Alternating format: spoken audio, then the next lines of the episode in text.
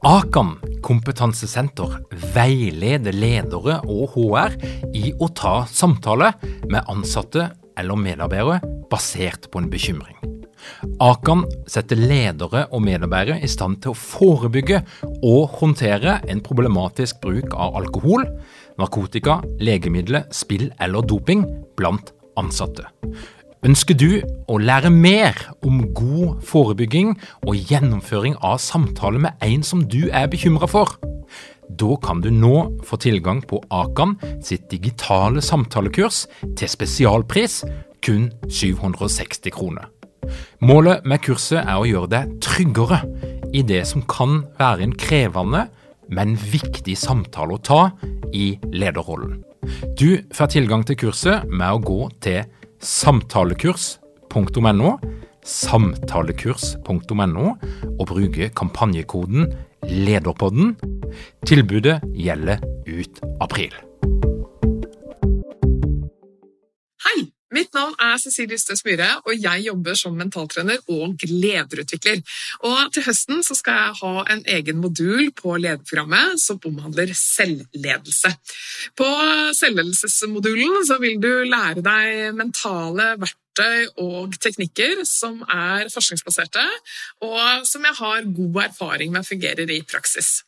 Disse verktøyene skal jo sette deg i posisjon til å få ut potensialet ditt som leder, og da er vi allerede i gang med å også sette deg i posisjon til å få ut andres potensial. Så dette henger sammen. Så er du nysgjerrig eller interessert, så håper jeg å se deg til høsten. Eh, og mer informasjon det finner du på lederprogrammet.no. Håper vi ses!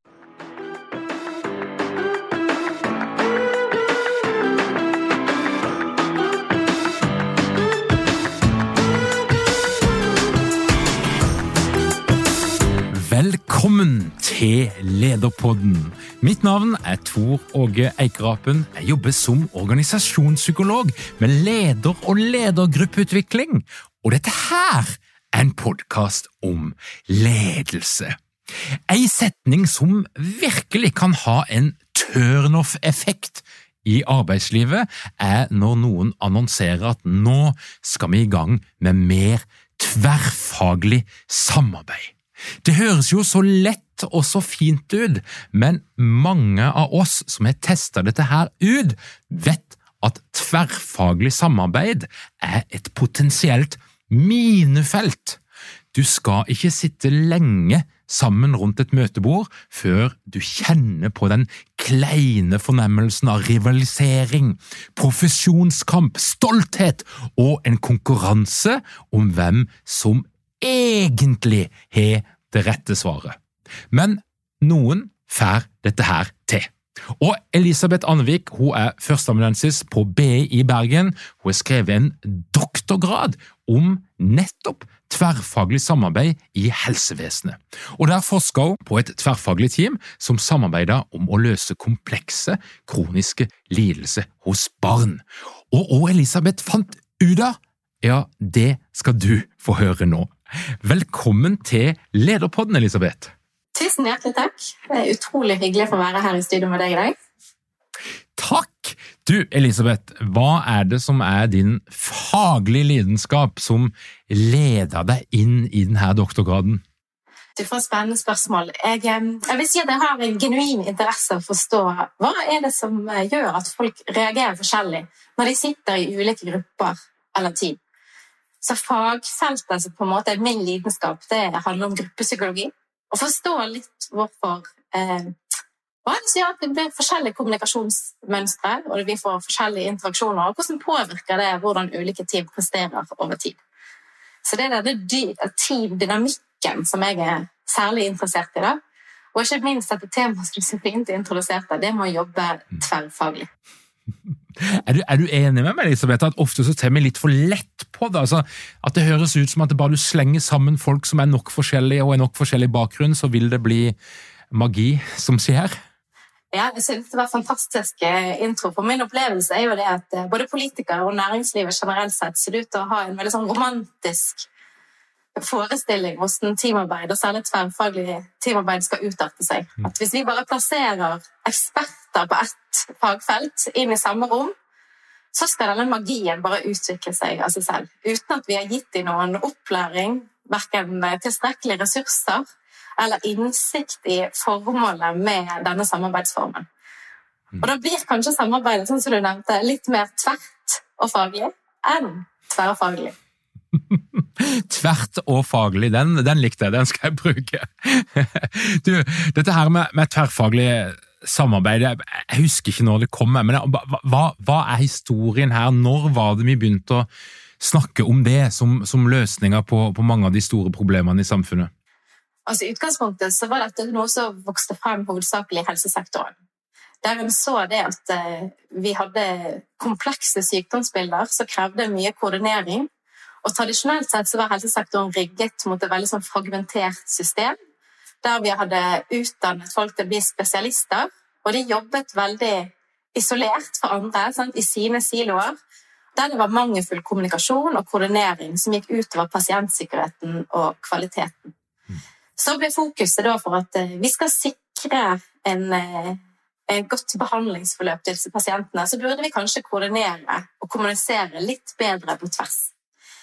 Så da oppsto dette fenomenet på slutten av 60-tallet, men det fikk egentlig ikke sin eh, det ble ikke implementert i praksis før i 90-tallet, og det var hovedsakelig i Australia og i Canada. Det ble egentlig ikke noe som vi snakket veldig mye om i Europa før vi var inn på 2000-tallet. Ja. ja. Så det er relativt nytt òg i Norge? Ja, det er relativt nytt, men vi har jo sett at det har eksplodert de siste 20 årene. I Norge så har det jo kanskje fått sitt fremtreden med samarbeidsreformen som kom i 2011-2012. Så sa det at vi har behov for å redusere dette overforbruket av eh, helsepersonell. Vi er nødt til å få ned kostnadsnivået. Vi ligger på, på nummer fire sant? av landet i OECD-landene i forhold til helseforbruk. Um, og vi ser en økning i kroniske sykdommer som gjør at vi må jobbe annerledes for å kunne hjelpe disse pasientgruppene. I tillegg så har dette overbruket ført til at vi står i en situasjon nå der vi mangler klinikere internasjonalt. Og i Norge så ser vi jo at vi står midt i en fastlegekrise. 238 000 nordmenn de mangler en fastlege pga. at vi har bygget opp et helsesystem som er såpass fragmentert. Mm. Og eh, løsningen da, fra politikernes side eh, fremover blir jo det at man skal kunne jobbe mer tverrfaglig. Opp mot fastlegekrisen så handler det om å, å opprette primærhelseteam, altså tverrfaglige helsetjenester, for å møte denne kompleksiteten. Så nå ser vi de ulike varianter i helsevesenet, men også i økende grad i næringslivet generelt sett. Mm. Og dette her er jo, eh, jeg tykker det er veldig veldig interessant, for hvis det er ett sted der det er sterke profesjonsidentiteter, så er det jo nettopp i helsevesenet. Altså, de, Folk sitter jo nesten ikke rundt samme lunsjbord engang i, i kantina. Eh, så hvis du er en sykepleier, så skal du holde til det bordet, og hvis du er lege, så skal du sitte med det bordet. Så hva er det som ofte gjenger galt, da, som en kanskje er tatt litt for lett på? Det er galt. Det er mye forskning som er gjort for eh, barrierene for samarbeid. Så hvis vi går tilbake på en måte til hva, hva er hensikten? Hva er det tverrfaglig samarbeid egentlig innebærer? Så handler det om at vi skal løse komplekse problemer.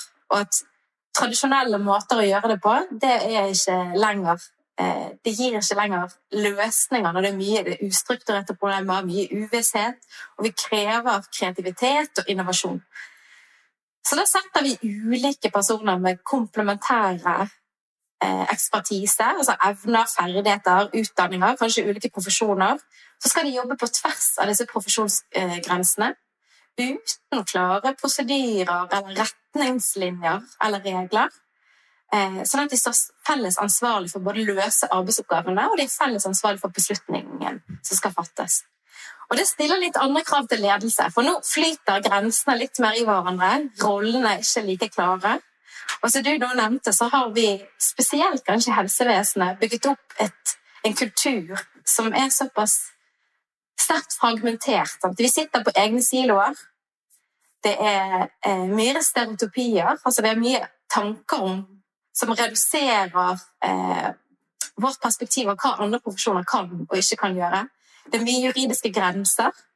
Så vi har disse hierarkiene som på en måte var veldig godt lagt opp til å løse med rutinepregede oppgaver.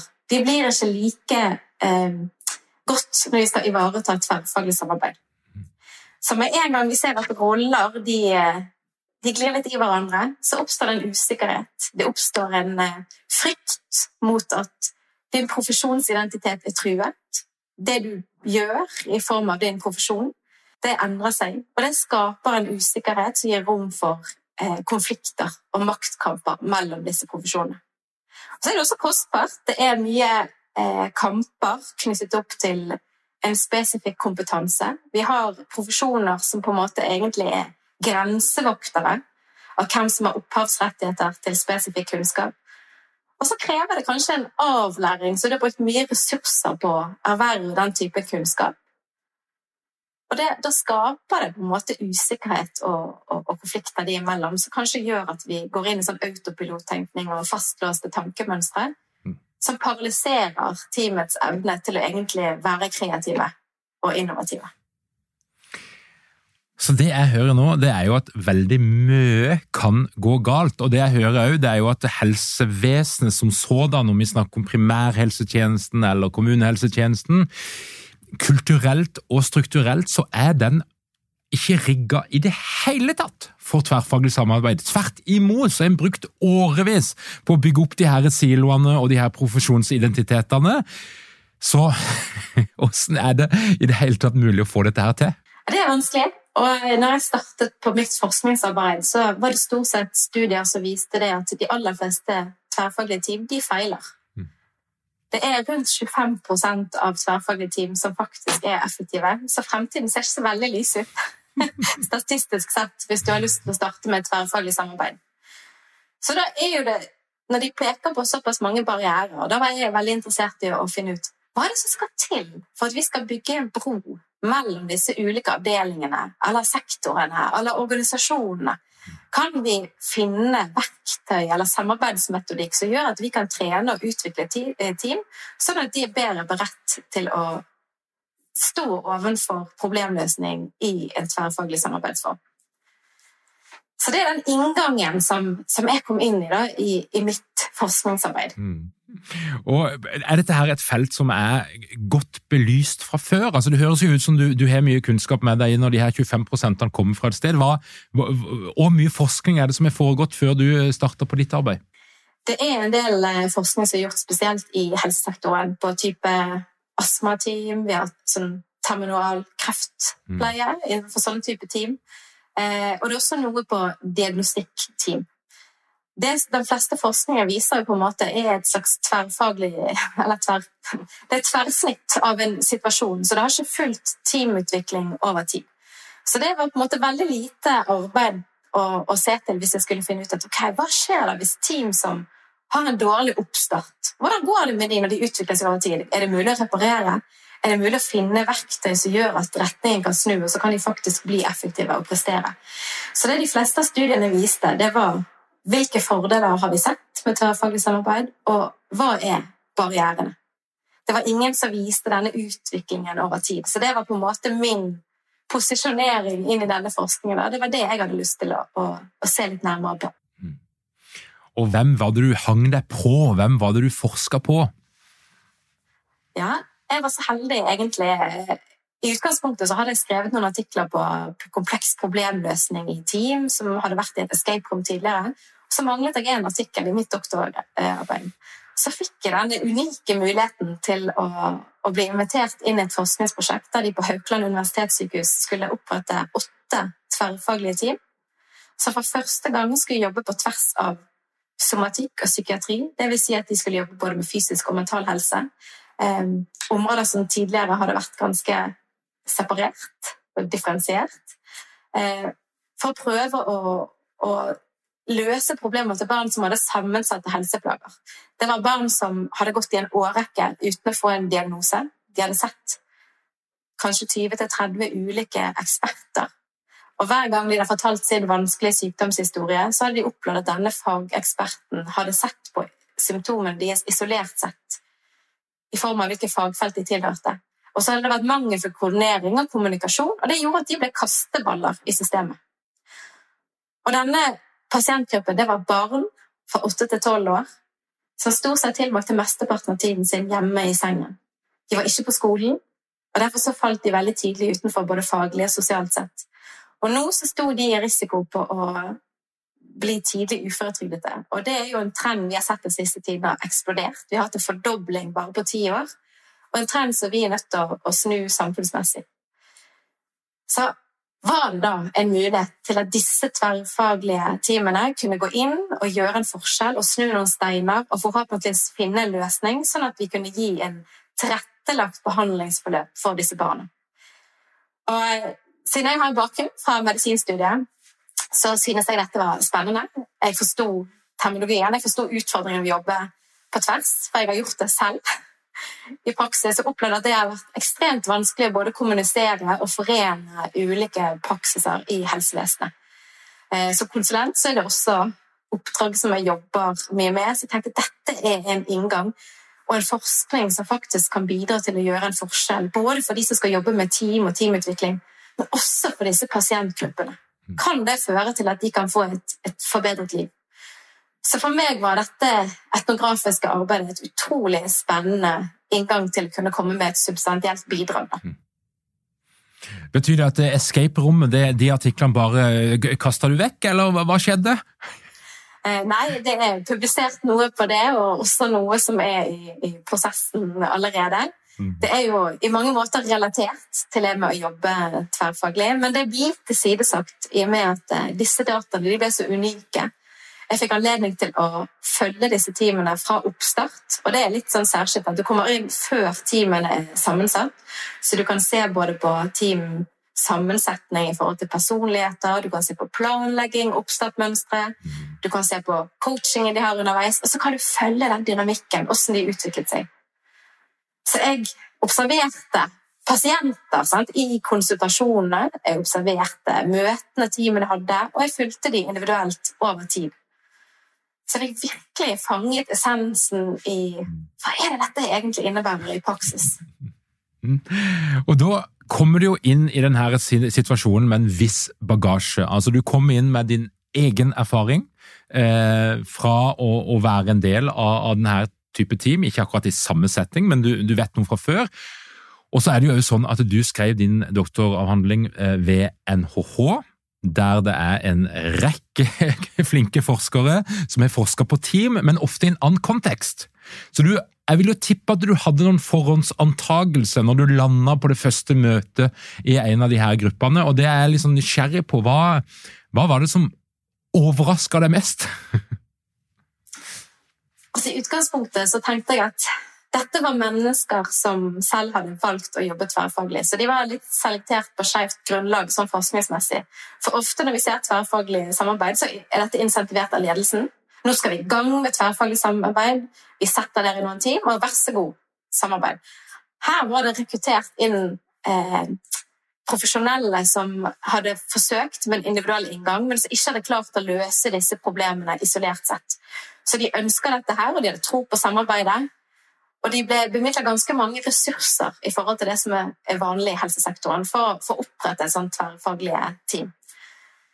Men så, helt fra oppstarten av, så det var jeg overrasket over at de hadde så lite felles eh, perspektiver rundt målet for samhandlingen, strukturen på hvordan møtene skulle holdes, hvem som skulle lede møtene, og hva det egentlig skulle, skulle føre til. Så jeg følte at det var, det var, veldig mye mangel på struktur. Det er jo publisert veldig mye med hva skal vi gjøre for å tilrettelegge for en god oppstart. For vi vet at oppstarten den, den preger eh, samarbeidet i lang tid fremover. Spesielt det som skjer i de første teammøtene. Det vet vi har vedvarende effekt på teamets samarbeidsmønstre.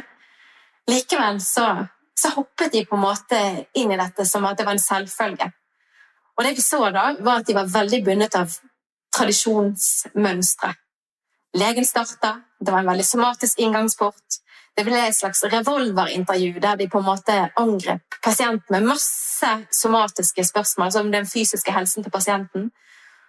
Og så snudde de seg til de andre profesjonene i rommet og sa har dere noe å tillegge? Som har dere et nytt perspektiv? Så hele premissene for likeverdighet, anerkjennelse av at vi skulle jobbe på nye eh, samarbeidsformer, det ble på en måte tilsidesatt når vi skulle gå i gang med dette arbeidet. Du, hvordan, hvordan, er det å være deg i den situasjonen? For du sitter der, du skal være en flue på veggen, en observatør, du skal holde kjeft. og så sitter du egentlig og ser på noe som du vet at «Ah, det finnes så mye bedre måter å gjøre dette her på. Åssen var det å holde seg stille? Altså, det var vanskeligere enn du skulle tro.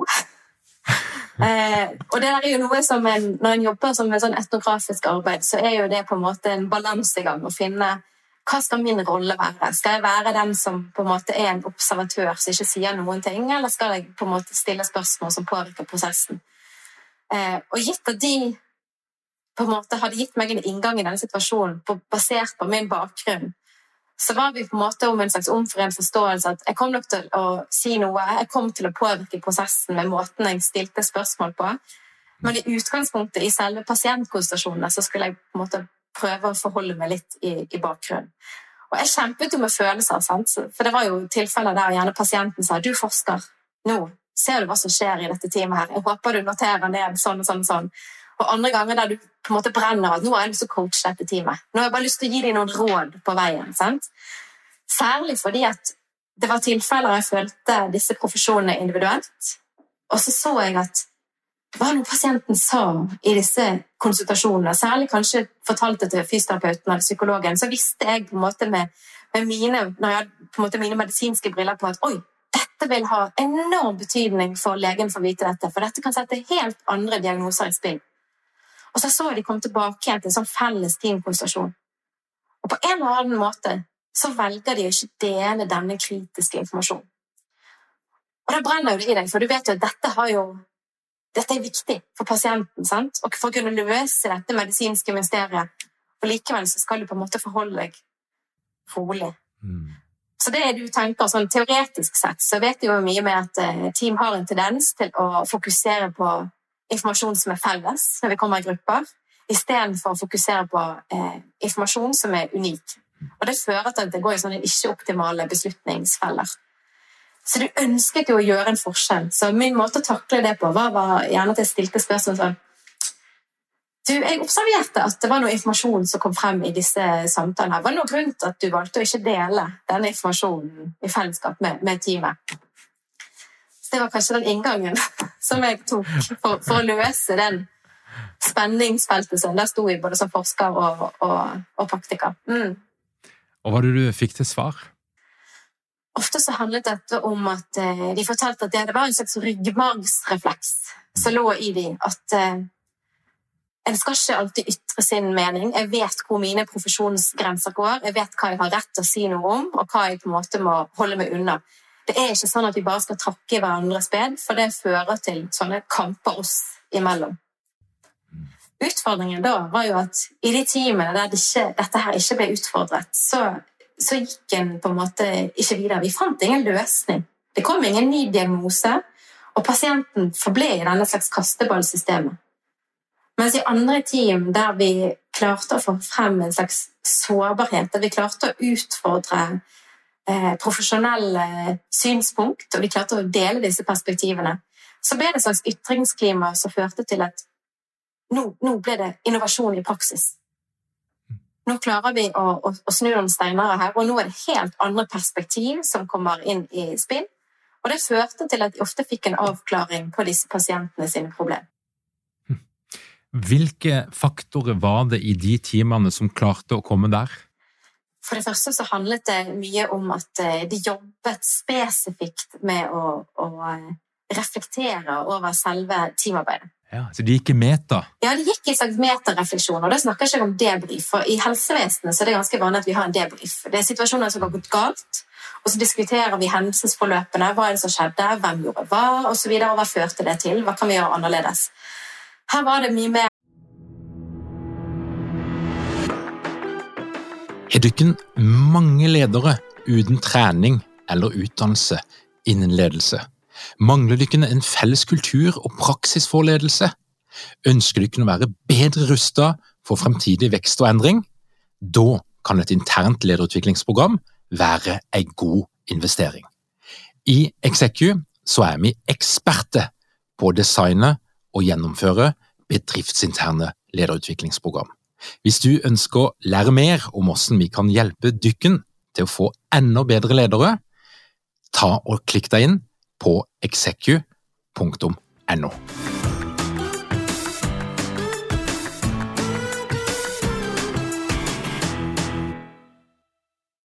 Eh, fokus på hva skal vi gjøre i teamarbeidet. Hvordan påvirker min atferd det jeg sier og min praksis det at jeg tar denne ledelsesrollen, eller jeg, at jeg leder dette møtet og begynner med å stille disse somatiske spørsmålene, hvordan påvirker det teamets prosesser videre? Hva kan jeg gjøre for å tilrettelegge for at du tør å dele dine meninger? Litt tilrettelegge for det vi kaller for psykologisk trygghet. ikke sant? Det skal være trygt å ytre meninger uten frykt for at det skal ha negative konsekvenser for en personlig. sant? Og det jeg så, var at disse teamene som var veldig gode, de begynte å rollespille. De begynte å tre ut av ens vante roller. Fikk et veldig sånn fleksibelt rollespill. Der legen begynte å observere hva fysioterapeuten og psykologen gjorde i sine møter med pasienten. Og så så de at hvis jeg stiller spørsmål, egentlig de samme spørsmålene som jeg trodde jeg stilte meg, stilt på en litt annen måte, en litt annen rekkefølge, så ser jeg at jeg får helt andre svar for pasienten. Og Basert på det så ble de ganske imponert av hverandre og hvilken kompetanse jeg fikk innsyn i. at oi, disse her var en helt annerledes kompetanse enn det jeg hadde forventet. Så det klarte man da å bryte med disse negative stereotypiene. Og så førte det til at jeg fikk en slags felles det vi kaller for en mental modell, eller et felles kart for hvem kan gjøre hva. Mm. Hvordan kan vi jobbe og eksperimentere dette på nye måter? Og det kaller jeg for transposisjonering. Et begrep som også er brukt bl.a.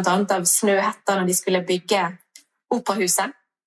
Gikk de, der gikk det også i sånne fastlåste konflikter eh, der det var eh, ulike profesjoner. Sant? Det var skuespillere, det var dansere, det var arkitekter, det var byggteknikere. Alle skulle komme med ulike perspektiver på hvordan operahuset skulle stå ut. Men at folk skulle ta et rollespillbytte ved å argumentere for andres perspektiv, så så de ting i et nytt lys, og det klarte å løse opp i disse fastlåste mm. mønstrene. Det bryter med denne autopilottenkningen. Og det var noe av det som åpnet opp for en slags sårbarhet, fleksibilitet, og førte til innføring av det jeg kaller for grenseobjekter. Og Grenseobjekter er sånne nøytrale objekter som gir på en måte en mening. Som at hvis dere skal løse en situasjon, dere ser på et problem, så kunne man bruke f.eks. En, en klokke for å beskrive hva er det pasienten gjør fra han står opp til det legger seg i løpet av dagen. Mm.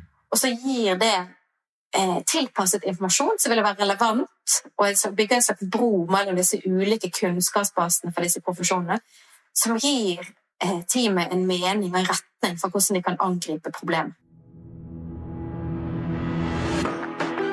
Hei, jeg heter Bård Fyn. Jeg er nerdete opptatt av samarbeid. Og det er fordi jeg gjennom mange år i Forsvaret har kjent på hvor utrolig givende det er når samarbeid på jobb fungerer, og hvor utrolig slitsomt det er når samarbeidet ikke fungerer. Noe av det jeg har kjent på, er hvor avgjørende min psykologiske trygghet er, både for at jeg sjøl skal kunne ha det bra på jobb, men også at jeg skal kunne gjøre det bra på jobb. Denne psykologiske tryggheten viser seg viktig for at vi skal kunne jobbe effektivt sammen mot de målene vi setter oss. Her på NHH, Norges handelshøyskole, har jeg de siste årene hatt gleden av å forske på dette temaet. Til høsten skal jeg delta med en modul på lederprogrammet, og der skal vi dykke ned i hva denne psykologiske tryggheten er for noe og ikke er for noe, hvorfor den er viktig, og hvordan vi kan lede til psykologisk trygghet i praksis. Det er gjort masse god forskning på dette her feltet, og jeg brenner for å gjøre den tilgjengelig og anvendelig for folk flest. Så vi skal se på hvordan vi kan bygge økt trygghet i arbeidsmiljøet og bygge økt trygghet i lederrollen. Jeg håper å se deg der. Mer informasjon på lederprogrammet.no.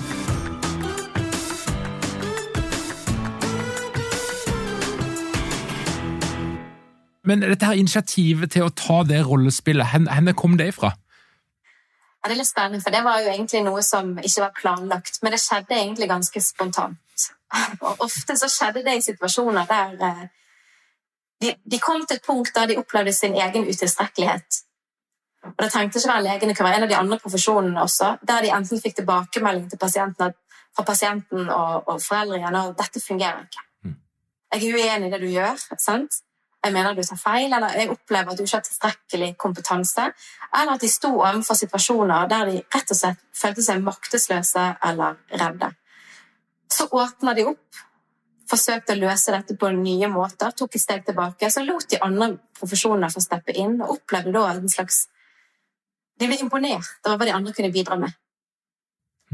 Og en sånn sårbarhet av å innrømme sin egen utilstrekkelighet og ha det motet til å si fra om det, det ble ekstremt viktig for å tilrettelegge for at de kunne tre inn liksom, og, og, og, lære og, gå inn i et slags sånn rollespill for andre.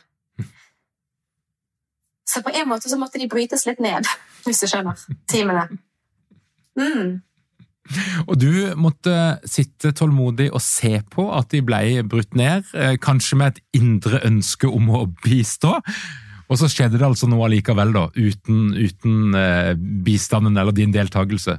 Ja, eh, jeg vil si det var flere tilfeller som var ganske nervepirrende når du satt i disse rommene. Sant? Du, du opplevde nesten å være svett sant? Og, og, og, sint og nesten sliten når du gikk ut. Og selv hadde du bare observert denne dynamikken. det, de omtalte jo hverandre. Sant?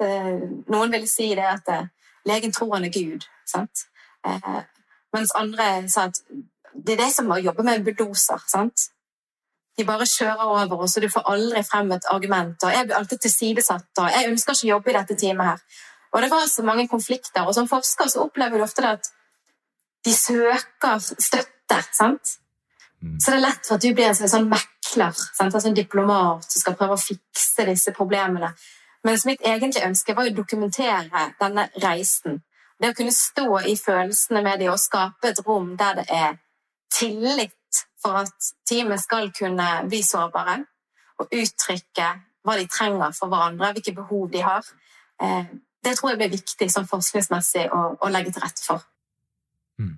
Men du, men du, sånn, du, vipper litt på kanten av å bli en deltaker i prosessen, og egentlig at du blir en intervensjon. Mm -hmm. eh, og da faller jo studien kjapt litt sammen, vil jeg tenke. Egentlig ikke. for Hvis vi snakker om etnografisk arbeid, så handler det om å bli en del av kulturen. Ja. Det handler om at du er en del av påvirkningen. Det er ikke aksjonsforskning, så du er ikke du ikke lønnet av organisasjonen for å produsere enkelte resultater eller for å forme organisasjonen, men du er for å dokumentere en reise, og du er der for å belyse perspektivene fra, fra deres ståsted. Mm. Og da blir det sånn at du, du, kommer til å ha en slags intervensjon i form av spørsmål du stiller. Det vil kanskje føre til en tankerekke, sant? eller at det vil føre til endringer i prosedyrer osv. Mm. Men så kanskje også kritisk i veien videre. Så mitt perspektiv var å forstå situasjonen fra, fra deres side og få til en felles fortolkning av hva er dette fenomenet tverrfaglig samarbeid. Hvordan utarter det seg, og hva kan, hva kan vi gjøre i teamene for å, for å, få frem det som skal til for at vi kan utvikle oss til å prestere godt. Så det var en felles dialog hele veien om hva, hva trenger man. Du, du, du kom jo inn med, med noen sannsynligvis ganske mange antakelser. En, en, av de her eh, klassikerne innen teamforskning er jo antagelsen om at personlighet og sammensetning av personlighet betyr noe. Og så kom Google og sa at nei, det betyr ingenting, det er psykologisk trygghet som betyr noe. Den her disktesten og hva det er for noe, det kan du bare kaste. Eh, eh, men, men, eller hva det heter for noe. Men, men hva, hva, hva sa du når det gjaldt ulikheter både i profesjon og personlighet? Hvilken rolle spilte det? Jeg syns det var veldig spennende fordi jeg har stor interesse for personlig psykologi og, og underviser mye i det fra før. Da. Ehm, det var ikke sånn at Vi testet de ulike personlighetstypene. Vi gjorde ingen sånn neopiertest. Vi starta dette forskningsprosjektet på noen som helst måte. Men det var veldig ulike personlighetstyper vil jeg, vil jeg si, som gikk inn i dette prosjektet. Eh, og i samsvar til støtte på kanskje det Aristoteles-prosjektet som du beskriver, som Google hadde, der de fant at det var psykologisk trygghet som danner premissene for godt eh, tverrfaglig samarbeid, så vil jeg si at personlighet har kanskje mindre å si. Det handlet om å kommunisere og finne samarbeidsformer som fungerte for, for teamet. Så det var handla om å være orientert mot andre. Ikke bare tilrettelegge psykologisk eh, trygghet i seg, men det handlet om å finne en samarbeidsform som tilrettelag for, for et klima der det var trygt å, å reflektere og finne, finne en slags et, Diskutere felles mål finne en samarbeidsform som tilrettelegger for at alle fikk sagt sitt, og en prosedyre der det var på en måte koordinert på en god måte. Men det handlet i mye større grad om å skape en refleksjon mot hva gjør vi i dette teamet? Hva kompetanse er det du har? Hva kan jeg lære fra deg? Kan jeg bryte ut av min faste profesjonsidentitet? Fordi at Det fleste av tidligere forskning vil si at profesjonsidentitet er ganske rigid. du, du er den du er i form av hva du gjør. Og når hva du gjør, endrer deg, så blir det en slags frykt. Og da vil på en måte folk yte motstand. Så i det jeg så at profesjonsidentitet det var noe som var fleksibelt. Det var noe vi kunne jobbe med, det var noe vi kunne trene på å utvikle. Til det stadiet der folk ble fleksible og kunne spille på flere strenger, så ble ikke dette lenger oppfattet som en trussel.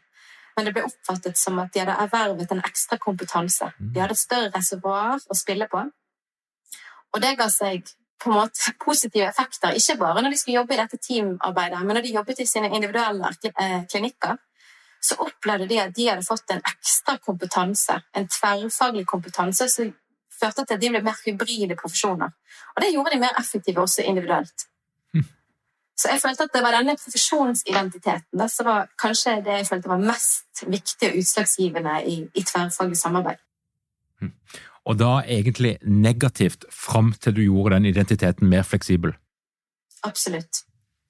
Men, men du fulgte jo de her åtte eh, timene. Eh, hvor lenge ble det?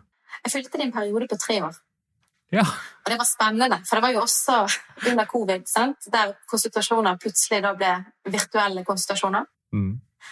Så det var en spennende utvikling å, å følge. Men totalt sett så var jeg mye gangene. Jeg intervjuet de, jeg fulgte liksom pasientene, jeg eh, skygget de i sine individuelle klinikker. Jeg observerte teammøter, planleggingsmøter. Eh, og så intervjuet jeg de på ulike tidspunkt.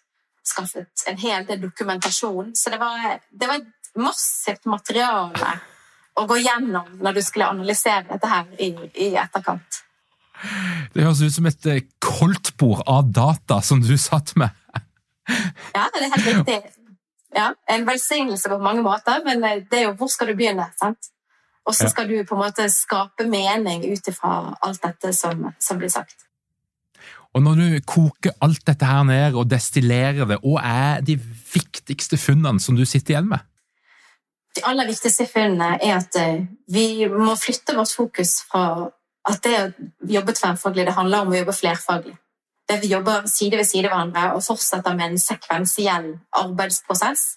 Der vi jobber fortsatt i rigide arbeidsmønstre. Sant? Der den profesjonsidentiteten er såpass rigid. Så det vi må åpne opp, det er for en veldig fleksibel rollestruktur. Og det kan vi gjøre ved å trene oss på å hospitere hos andre, f.eks.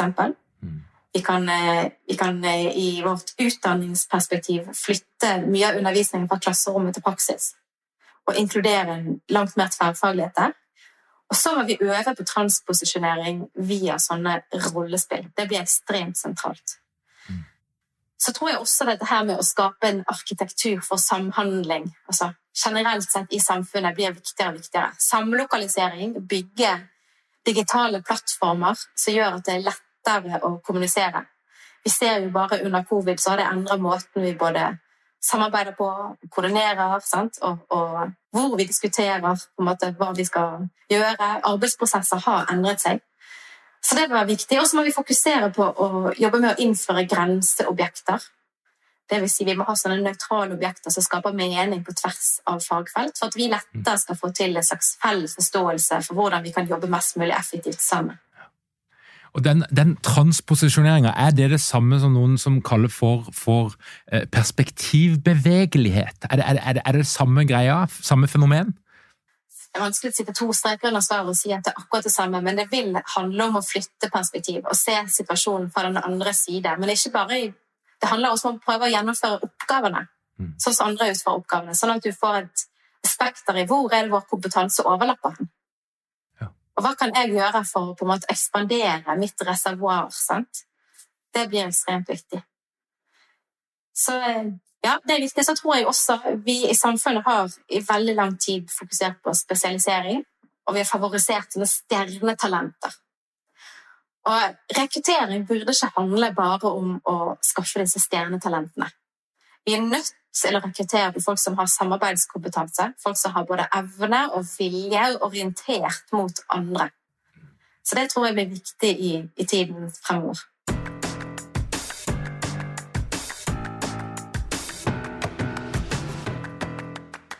Det må være litt irriterende, for nå sitter jo du altså med fasiten. Du sitter nå med i hvert fall en ganske solide verktøy for å skape gode samarbeid, og så må du allikevel konstatere at verden er ikke på samme sted. Altså, Politikerne kommer til å fortsette å skrike om tverrfaglig samarbeid og, og at det skal vi gjøre men det gis ikke opplæring, det gis ikke trening. Det, det, det, er fremdeles ikke en del av utdannelsen på noen av de aktuelle profesjonene. Folk blir kasta ut i teamarbeid, og i beste fall så får de en eller annen eh, helg med noe øl og pizza og noe paintball, og så tror folk at det er det som skal til for å utvikle et godt teamsamarbeid. altså det, det er ganske frustrerende. Og jeg føler at dette må på prioriteringslisten. Vi er nødt til å ha en en del av utdanningsprogrammet er nødt til å handle om tverrfaglighet. og Det ser vi implementeres mer og mer internasjonalt. Norge ligger litt bakpå per dags dato. Men vi har også helsefaglige profesjonsutdanninger i Norge som på en måte er mer sånn videreutdanningsrettet. Uavhengig av utdanning så tror vi må jobbe dette i praksis. Det blir ekstremt viktig å drive mer teamutvikling fremover. Og jeg skiller teamutvikling fra teamtrening. Nå skal vi opp på et høyere prestasjonsnivå. Vi skal jobbe på nye samarbeidsformer. Vi skal ikke vi skal ikke jobbe med rutinepregede oppgaver. Mm. Og da tror jeg det blir viktig at vi kurser team. Mm. At det gjøres i, i praksis. Og da må vi frigjøre ressurser. Vi må sette av tid til planlegging. Hvis vi ikke planlegger, så har du plan for failure, ser jeg. Eh, og vi er nødt til å insentivere det. Det å belønne team som helhet fremfor å belønne individuelt, det vil også være viktigere skal vi få til et ekte teamsamhold som evner å, å, å skape innovasjon. Og Helsevesenet det er, et, det er en, en, spesielt område. altså De her uh, hierarkiet, de sterke kulturene, den sterke profesjons... altså jeg tenker jo at det er, det er, et sted der det er vanskeligere å få dette her til enn andre steder, men det er òg et sted der mer er på spill. Altså I din forskning så snakker vi om barn og ungdom som egentlig hele skjebnen de sin ligger i hendene til de her timene. Og, så, så det er jo kanskje det aller viktigste stedet å få dette her til å funke. Er det ikke det? Helt klart. Jeg synes det er helt sentralt at vi jobber systematisk med dette i helsevesenet. Jeg håper det blir frigitt masse ressurser til dette fremover. Jeg synes vi beveger oss i, i, riktig retning, men vi har et godt steg å gå. Spesielt når det gjelder det å koordinere somatikk og psykiatri, som egentlig har vært ganske sånne adskilte siloer frem til nå. Mm. Men det gjelder også arbeidsprosesser på tvers av organisasjoner og sektorer. Og vi har jo sett fantastiske eksempler på at dette kan skje i, i praksis. Og det kan innebære små elementer, fra hvordan du inkluderer åpen innovasjon for eksempel, i organisasjoner, til større eh, arbeid. Men hovedsakelig i offentlig sektor så trenger vi større implementert i mye større grad i tiden fremover. Bent Høie har sagt at fremtidens tjenester de skal være teambaserte.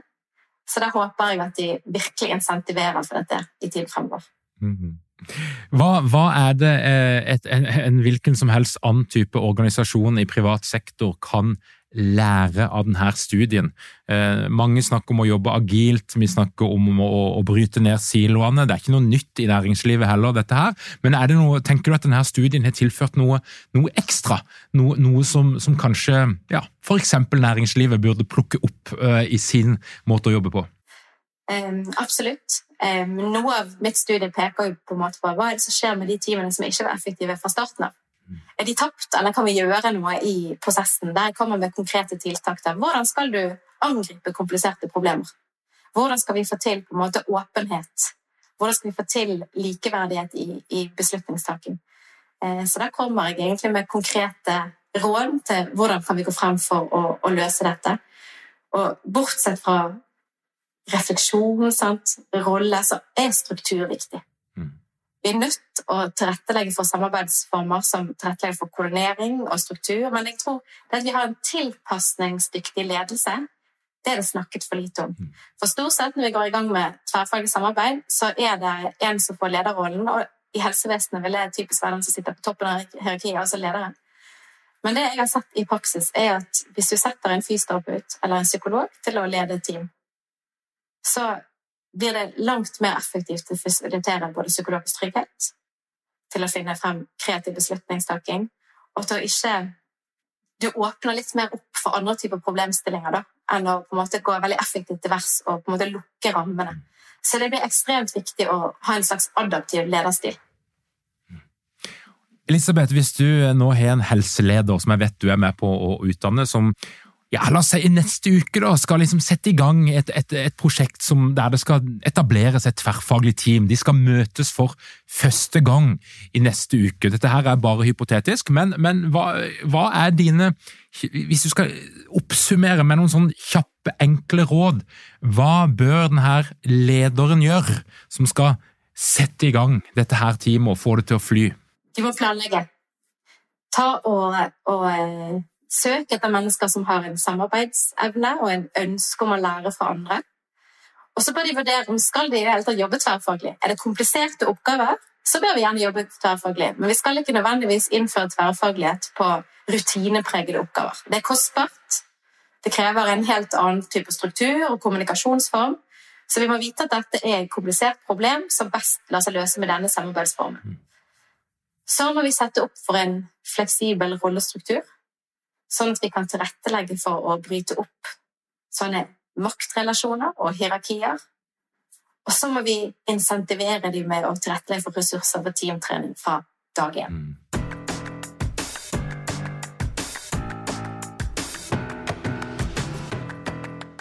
Er det noe som jeg ikke har spurt deg om, men som du har lyst til å melde ut til Lederpoddens lyttere?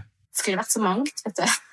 Du, det har vært utrolig hyggelig å være her i studio og snakke om uh, tverrfaglig samarbeid. Det er jo noe som spiller inn på veldig mange av disse temaene som uh, dine lyttere viser interesse for tidligere. Så jeg tror, hvis jeg skal si noe sant? Psykologisk trygghet, personlighet, alle disse andre faktorene, de har mye å si. Mm. Men det som har mest å si, er at vi klarer å være orientert mot andre fremfor orientert mot oss selv, og at vi klarer å istedenfor skape en prestasjonskultur av frykt, klarer å skape en, en slags mestringsklima. Nydelig oppsummert, Elisabeth. Tusen hjertelig takk. Masse lykke til i arbeidet ditt, og jeg håper at du, din stemme når fram til maktens korridorer, for det høres ut som det er ganske god bruk for. Takk for at du kom til Lederpodden. Tusen takk skal du ha. Til deg som hører på, hvis du har lyst til å få med deg alt som skjer i vårt lederunivers, da kommer du deg inn på lederpodden.no, trykk på den rette knappen og legg igjen din e-post, og du vil få vårt ferske nyhetsbrev i din innboks hver eneste fredag. Og hvis du har lyst til å lære mer og har lyst til å utvikle deg som leder, ja, da har vi altså lederprogrammet. Påmeldinga er nå åpen. Vi starter 28. september, men det begynner å fylles opp allerede! Og hvis du er nysgjerrig, så kan du gå inn på lederprogrammet.no. Takk for at du hører på Lederpodden. Vi høres igjen om ei uke.